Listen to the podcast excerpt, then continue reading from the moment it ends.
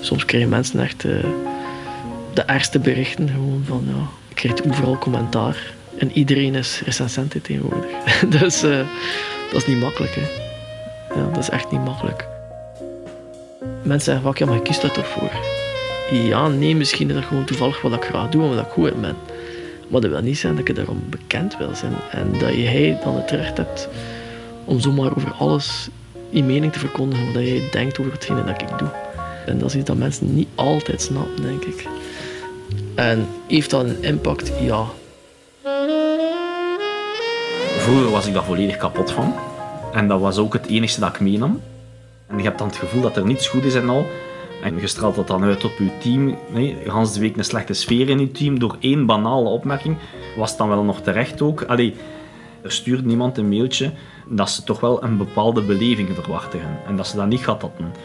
Ja, eerlijk gezegd, dat mailtje raakte op dat moment mijn, mijn koude kleren niet, omdat die beleving is er gewoon. Die creativiteit die is er. Ja, mag niet van de pot gerukt zijn. Hè. Maar vroeger ging je daar weken slecht van lopen. Hè.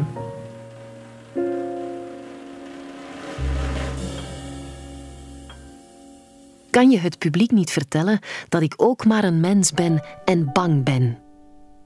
Een uitspraak van Maria Callas na een fenomenale voorstelling, net op een moment dat je het dus eigenlijk niet zou verwachten. De legende begon buitengewone vormen aan te nemen. Ze stond aan de top, werd op handen gedragen, maar in tegenstelling dat het haar zou voeden, maakte het haar zwakker en uitgeput. Ze werd angstiger, want de verwachtingen werden groter en de lat steeds hoger. En ze wist ook dat haar stem en lichaam onberekenbaar werden. Het publiek heeft mij groot gemaakt, zei ze in een krant. Adoratie is echt verslavend. Optreden is verslavend. En dat is eigenlijk die injectie dat je toch wel iedere keer wil. Maar als je succes hebt, je kunt dat niet vastnemen. Dat is vluchtig. Je kunt dat niet fysiek, je kunt niet zeggen zo van... Die een tafel, ik succes naast elkaar allemaal. Het zijn allemaal dingetjes of zo. En dan kun je daar blijven naartoe kijken en, en dan is dat gewoon... Oké, en om duur heb ik dat genoeg. Bij veel mensen is dat niet zo. Je wilt dat altijd herhalen en herhalen en bevestiging krijgen. En dat is moeilijk. Hè? En zeker als je dan in het geval van Callas eigenlijk al ja, misschien fysiek niet meer in staat zit om dat top te doen, dan probeer je toch nog altijd die status van vroeger, dat je de adoratie krijgt, nog altijd bevestigd te zien. Hè. En soms eindigt dat niet, niet goed. Hè. Ja, wordt een beetje een schim van jezelf. Hè. Of een beetje, is het jezelf, wordt een imitatie van jezelf. Als je altijd op dat, op dat niveau wilt presteren, daar word je gewoon ook heel moe van. Hè. Dat was er wel vaak, dat ik die stress had. En dan raakt je stem natuurlijk ook soms over vermoeid. Hè. Omdat je zo gespannen raakt. En dan komt er ook weer in. Hè. Dat ik een avond voor een recitaal gewoon geen stem had. Uit stress. Dat ik dacht van, komt niet goed, ik ga dat niet kunnen, gaat niet goed genoeg zijn. Geen stem. Niks, er kwam niks uit. En de volgende morgen sta ik op, stem was er. En dan zing ik de pannen van tak. Hè. Puur psychologisch. En ik kende mijzelf ook wel voldoende om te weten van, dit is gewoon iets in je hoofd. Morgen, morgen ga ik dat doen. En meestal waren dat goede recitals wel.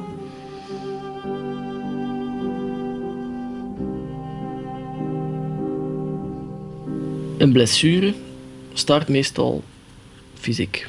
Er is meestal een fysieke oorzaak, inderdaad. Stemprobleem, oké, er is iets over belasting of wat dan ook, dat je moet rusten. Of... Maar dan komt inderdaad het psychologische aspect van, oké, ten eerste, ik kan niet doen wat ik normaal doe. En denk moet misschien uitgesteld worden of afgezegd. Dat is al niet tof. Psychische aspect die er dan bij kan komen, en dat gaat eigenlijk over de hyperfocus. inderdaad, dat je opstaat en denkt, is er nog? Voel ik iets, lukt het al, enzovoort. En dat is wel soms een proces dat, dat mensen niet altijd makkelijk kunnen loslaten. En ironisch genoeg, hoe meer je aanvaardt dat er is, hoe meer je de kans hebt dat het verdwijnt. Soms was Maria ziek en dan kon ze ook echt niet. Soms was het puur psychologisch, maar dan kon ze ook echt niet. Maar moeilijk wordt het natuurlijk wel als je tot laat in de nacht doorzakt in een nachtclub waar je trouwens niet in een zak loopt, maar iedereen weet dat jij Maria Callas bent, waar je de hele nacht door champagne drinkt tot in de vroege uurtjes, maar de volgende ochtend een belangrijke voorstelling of concert annuleert omdat je stem het laat afweten. Weer een afzegging, opnieuw een teleurstelling. Op laatst heeft ze veel afgezegd, ja. En dan heb ik ook niet meer de moed dan denk ik ook, die goede periode is over. We hebben een enorme herinnering van zij als een topzangeres. Waarom moet je dan nog luisteren op het laatste? Uh, ik, daar had ik ook niet meer zoveel zin in. Om ze dan minder te horen. Want in, in mijn geheugen was ze absoluut top. Ja. En nog, ik heb nog heel vaak geluisterd... Uh, als ik een Casadiva uh, hoor uit Norma... Eh, die zij zingt. Eh, ik denk dat niemand dat heeft kunnen of evenaren. En, en, eh, en sommige operas van Bellini ook.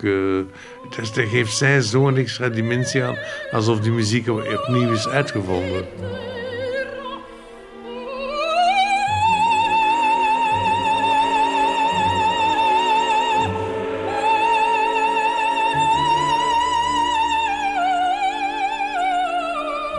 Ik denk ook wat mensen zo aantrok bij haar was van, gaat het lukken vanavond? Dat mysterie van die fragiliteit van die stem. Welke stem gaan we krijgen vanavond?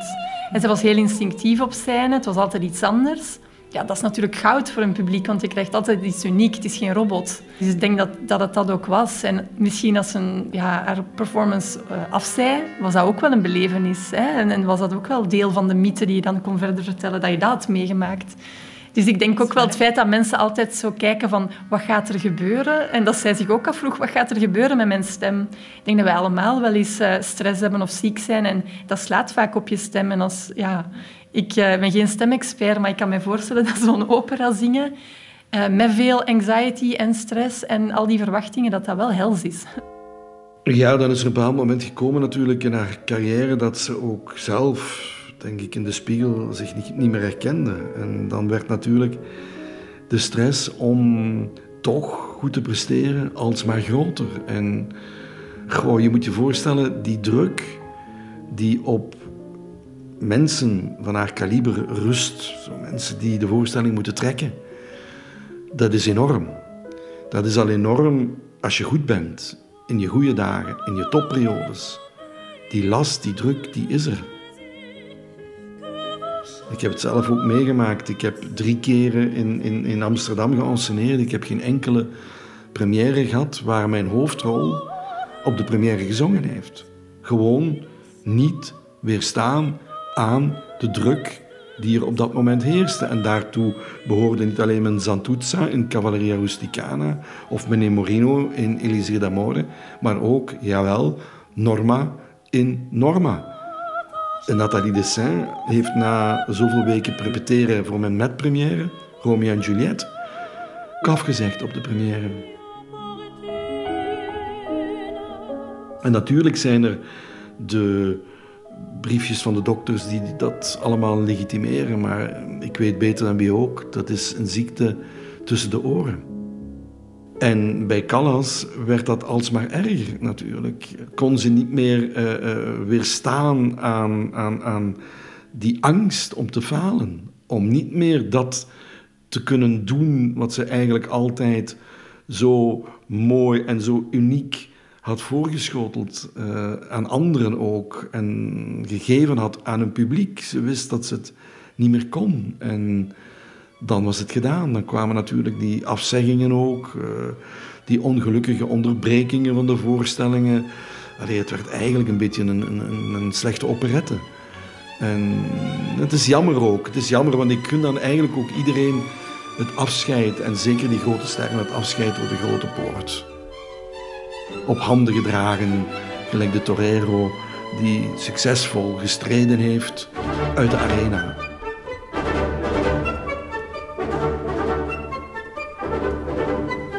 Dat is het niet geweest. Het is een afscheid geweest in mineur met, met pijnlijke voorstellingen, met, met, met concerten, opnames die niet om aan te horen zijn. En ja, goed, die vallen in het niets, in het grote perspectief van die hele carrière.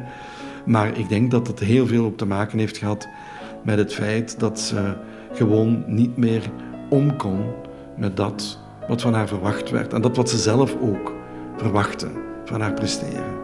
En dat gaf ze op. Dan zwaaide ze met de witte doek en was het gedaan.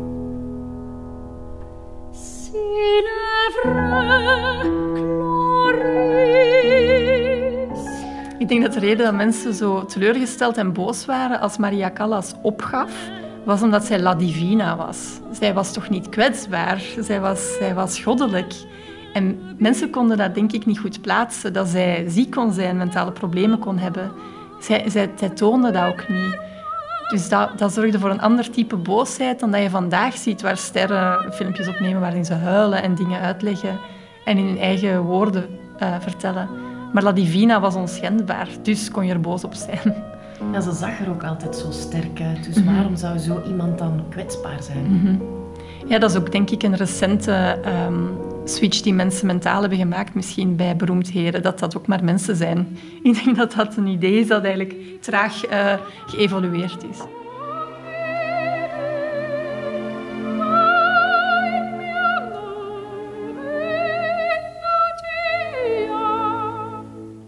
En natuurlijk, ze had zin om te blijven zingen. Omdat ze ook wist, er blijft altijd wel iets over van dat unieke stemgeluid. Zelfs, hè, die tournee die ze misschien niet had mogen maken met die Stefano, helemaal op het einde van haar leven. Waarbij er in de zaal alleen nog maar mensen zitten die komen voor een soort van herinnering aan Callas. Want wat je daar te horen krijgt is een herinnering aan Callas. Met hier en daar nog eens een, licht moment, maar voor de rest iemand die waarvan je denkt van hoe is het mogelijk dat zo iemand die zo fantastisch heeft gezongen nu zo worstelt met haar stem om zelfs er iets uit te krijgen wat ze er wil uitkrijgen. Hier in het hoofd gebeurt het nog, maar het gaat niet meer naar de stem. En het hart is nog oké, maar vocaal komt er niet meer uit.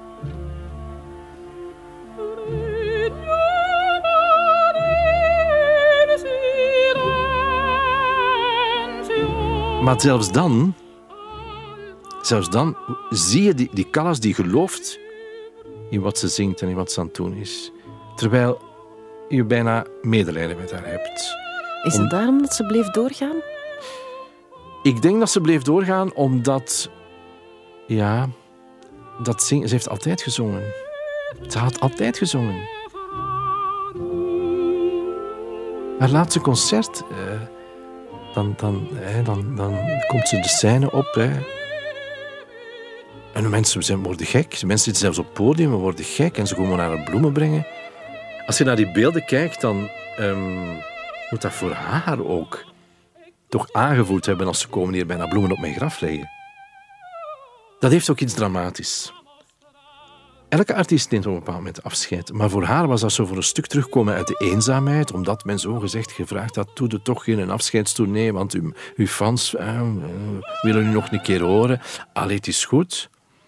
Ik neem Giuseppe Di Stefano mee en Di Stefano, die op dat moment ook nog altijd Callas vereert, ik heb geen ander woord voor, vereert, die ook met haar het podium opkomt en duidelijk maakt aan het publiek, het gaat niet over mij, het gaat over haar. En die haar meeneemt als een soort van, ja, hier, ik toon ze aan nu en ik toon ze aan... Het heeft iets dramatisch. Je, voelt, je ziet daar bijna fysiek lijden. Ze staat aan die piano en je ziet daar bijna denken van, ik heb nog tien seconden en dan moet ik mijn eerste noot uitbrengen. Ik moet goed nadenken. Hoe ging het ook alweer? Hoe moet ik het weer doen? Dus je ziet daar letterlijk uit een soort van diepte komen. En dat is voor mij ook nog altijd een beetje het, uh, het raadsel, Maria Callas. De stem mocht er dan niet meer zijn. Maar ze was nog wel haar personage. Er is veel over haar geschreven en gespeculeerd, maar wat we wel zeker weten is dat ze geleefd heeft voor haar stem, voor haar vak, voor een kunst. Ze weinig tot geen vrienden had en ook geen kinderen, hoewel ze toegaf dat ze misschien liever een gezin had gehad dan een carrière. Als je echt voor je carrière wilt gaan als zanger, en zeker als vrouw, want dat is dan nog, nog iets anders, man of vrouw, dat het eerlijk gezegd beter is om geen kinderen te hebben. Want het maakt u zo, zo gevoelig. In dat leven heb je toch wel een zekere hardheid ook nodig. En focus op jezelf. Ik heb vier kinderen. Ik heb eigenlijk tot mijn veertigste, toen ik hier bezig was, eigenlijk mijn kinderen niet zien opgroeien. Maar ik heb ook niet het gevoel dat ze het mij kwalijk nemen, denk ik. Maar Annelies, mijn vrouw, die staat er al twintig jaar alleen voor. Hè. Voel ik me daar zwaar schuldig over? Nu ook niet, niet zo dat ik daar nachten van wakker lig of zo. Maar toen dan we stopten hier, heb ik voor mezelf wel een aantal beslissingen genomen dat ik zeg van ja, vanaf nu moet ik er wel gaan beginnen van genieten, want anders... Allee, mijn kleinste was toen op dat moment drie jaar. Ik zei, ik wil die kleine zien opgroeien. Ik wil dat nu wel meemaken. En, en ook dat ik zeg van... Ik heb tot mijn veertigste nooit niet naar een trouwfeest gegaan. Nooit een verjaardagsfeest. Ik kan bitter weinig vrienden ook. Ik was ook altijd degene dat er nooit niet bij was.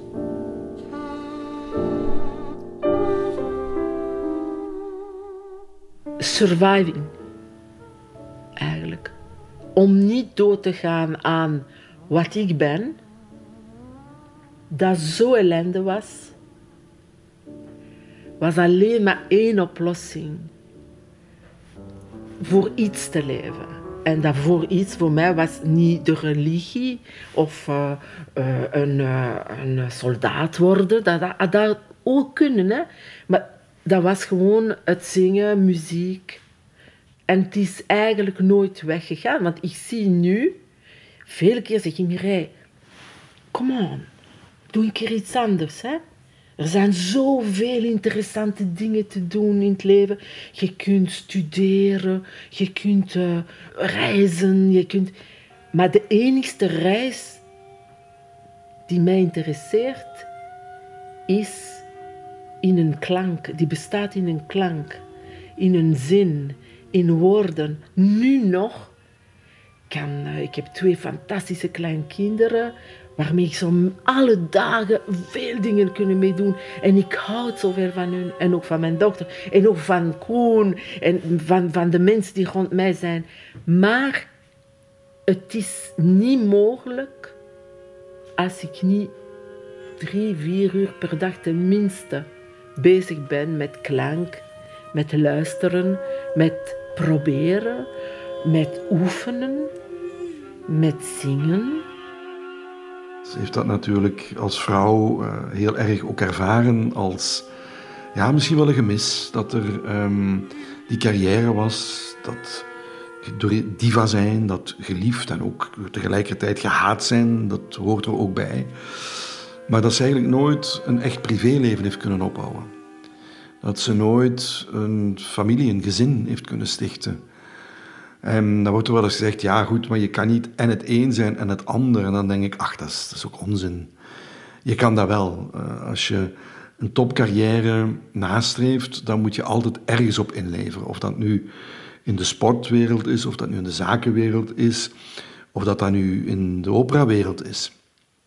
Dus het, het kan. Uh, bedoel, en ook, ook als man. Ik heb zelf in mijn carrière ook moeten uh, offers brengen. Ik heb ook uh, heel veel momenten van huis geweest, dingen gemist.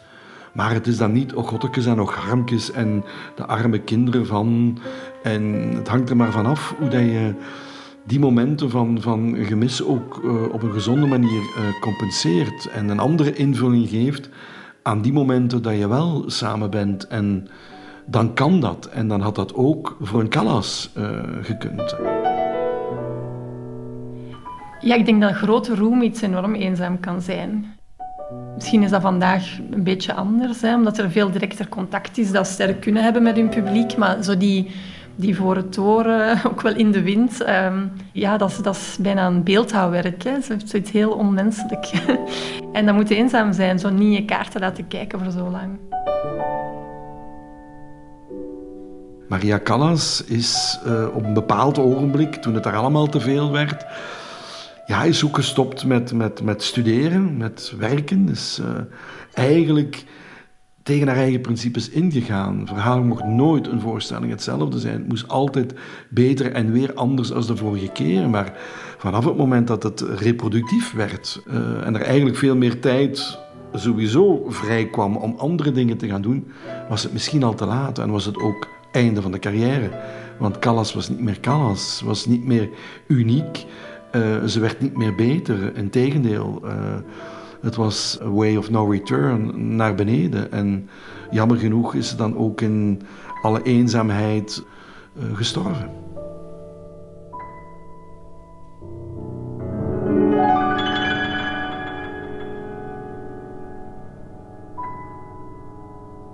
Ik leerde haar kennen toen ze al 17 jaar dood was.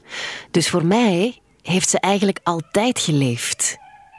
Maria Callas is alleen gestorven op 54-jarige leeftijd in september 1977. Maar een stuk van haar was eigenlijk al veel langer gestorven. Daar, in haar appartement in Parijs, verging Maria. Of was het Callas? Diva zijn heeft aan het einde toe toch ook iets dramatisch. Hè? Want die mensen kunnen letterlijk niet meer wat ze willen. En ze moeten zich wel laten horen. En dat heeft iets een beetje, ja, aandoenlijks.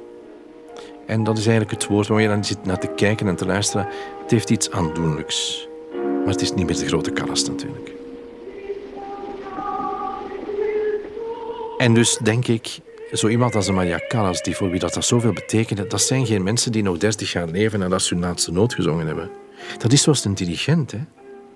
Als Nicolaus Zanoncourt of als Bernard Haitink aankondigden het gaat niet meer, drie weken later waren ze dood. Dat, dat is gewoon zo. Dat zijn artiesten. En dat is bij Callas ook voor een stuk zo geweest.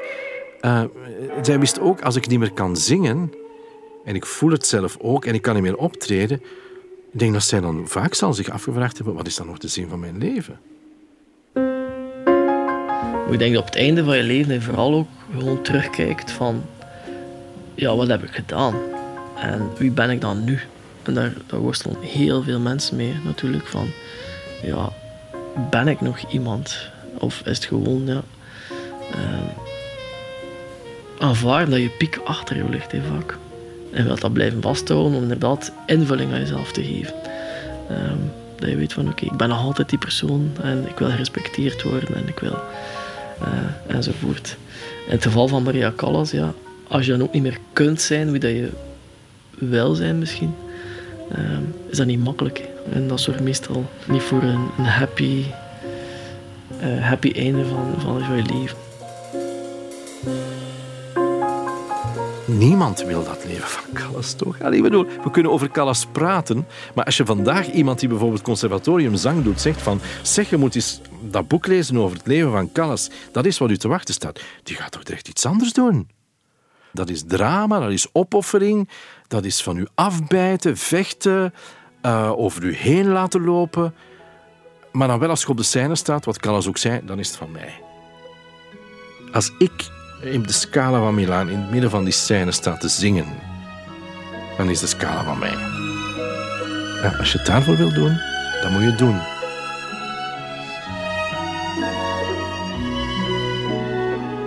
Callas is verleden tijd. De stijl van zingen moet niemand nog doen vandaag, zoals zij deed. Denk het niet. Denk niet dat je daar een wedstrijd mee wint. Er is geen nieuwe Shakespeare. Er is geen nieuwe Shakespeare. En die vandaag de nieuwe Shakespeare wil zijn, is een afkooksel van het oude. En dan zegt iedereen, nee, toch maar de oude dan. Maar, wat ze te vertellen heeft, hoe ze het vertelt, daar kunnen we wel nog altijd van leren. Als je vandaag naar haar luistert, dan vergeet je even dat een opname is uit de jaren 50 of 60. En dan denk je van, ik zou wel willen dat iemand vandaag nog zo deed. Dan luisteren ze naar u.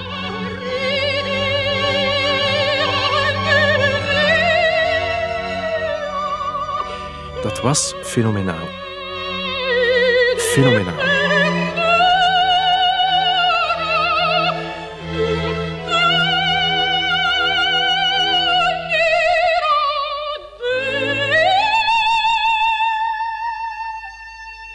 Ze heeft niet alleen een erfenis nagelaten, maar ook een opgave.